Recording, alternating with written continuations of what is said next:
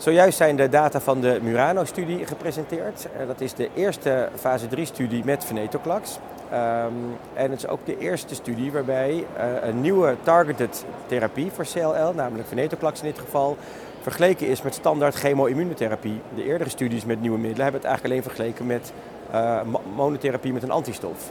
De opzet van de studie was dat mensen een combinatie kregen van venetoclax en rituximab voor zes maanden. En vervolgens kregen de mensen tot maximaal twee jaar in totaal venetoclax.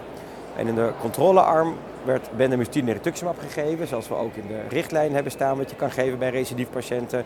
En dat was zes cycli. De belangrijkste bevinding van die studie was dat er een zeer significant verschil was met een hele goede hazard ratio voor progressievrije overleving. Dat, de, er meer, dat er meer respons, overal respons verbeterd was.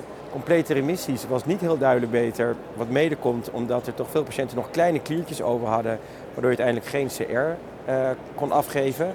Maar, en dat moeten we afwachten of het inderdaad belangrijker is of niet. Maar wat je wel ziet, dat er een enorm verschil was in het bereiken van MRD-negativiteit. Ook zag je een verschil in overal survival. En met al die punten dus lijkt het eigenlijk een hele positieve studie. Waarbij aan de toxiciteitskant moet worden opgemerkt dat je wel duidelijk meer neutropenieën zag. En we weten bij venetoclax dat dat inderdaad neutropenieën geeft. Maar, en dat is denk ik toch misschien nog wel belangrijker, geen verschil zag in neutropene infecties. Dus door GCSF te geven, door het mechanisme van neutropenie, is venetoclax waarschijnlijk toch een ander soort neutropenie dan dat we gewend zijn van chemotherapie. Wat je op dit moment van die studie kan zeggen of moet zeggen, is dat natuurlijk een beetje appels met peren vergelijken is op dit moment. Omdat je niet alleen twee verschillende regimes vergelijkt, maar je vergelijkt ook een 24 maanden behandeling tegenover 6 maanden. En wat betekent dat nou? Dus ik denk dat dit hele belangrijke data zijn. Dat je inderdaad ziet dat je met minder bijwerkingen diepere remissies kan krijgen. Maar het uiteindelijke doel moet zijn dat je ook na die twee jaar kan stoppen en dat dan dit overeind blijft. Dus het is enorm belangrijk dat we een, uh, in mei weer een datacut gaan doen. Dan hebben de meeste mensen zijn dan van behandeling af bij de armen. En dan gaan we zien of die curves inderdaad uit elkaar blijven vallen. En ik denk dat je dan pas echt kan zeggen dat dit een doorbraak is in de zin van dat je venetoclax ook kan stoppen. Wat wel de, de insteek van deze studie was.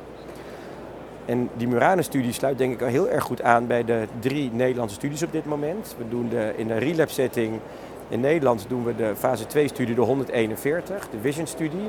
Waarbij iedereen uh, ibrutinib en venetoclax krijgt. Wat misschien nog wel een krachtigere combinatie gaat worden dan venetoclax met rituximab.